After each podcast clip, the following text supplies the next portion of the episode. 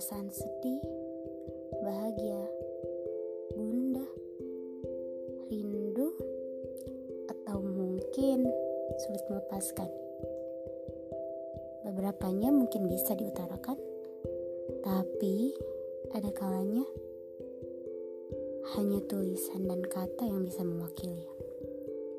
Di sini, aku Nita Nurlina akan berbagi tentang apa pun perasaan yang sedang aku hadapi, yang teman-teman hadapi, lewat karya-karya yang tak beraturan. Iya sih, aku bikinnya karena mood. Haha. Selamat mendengarkan. Bye bye.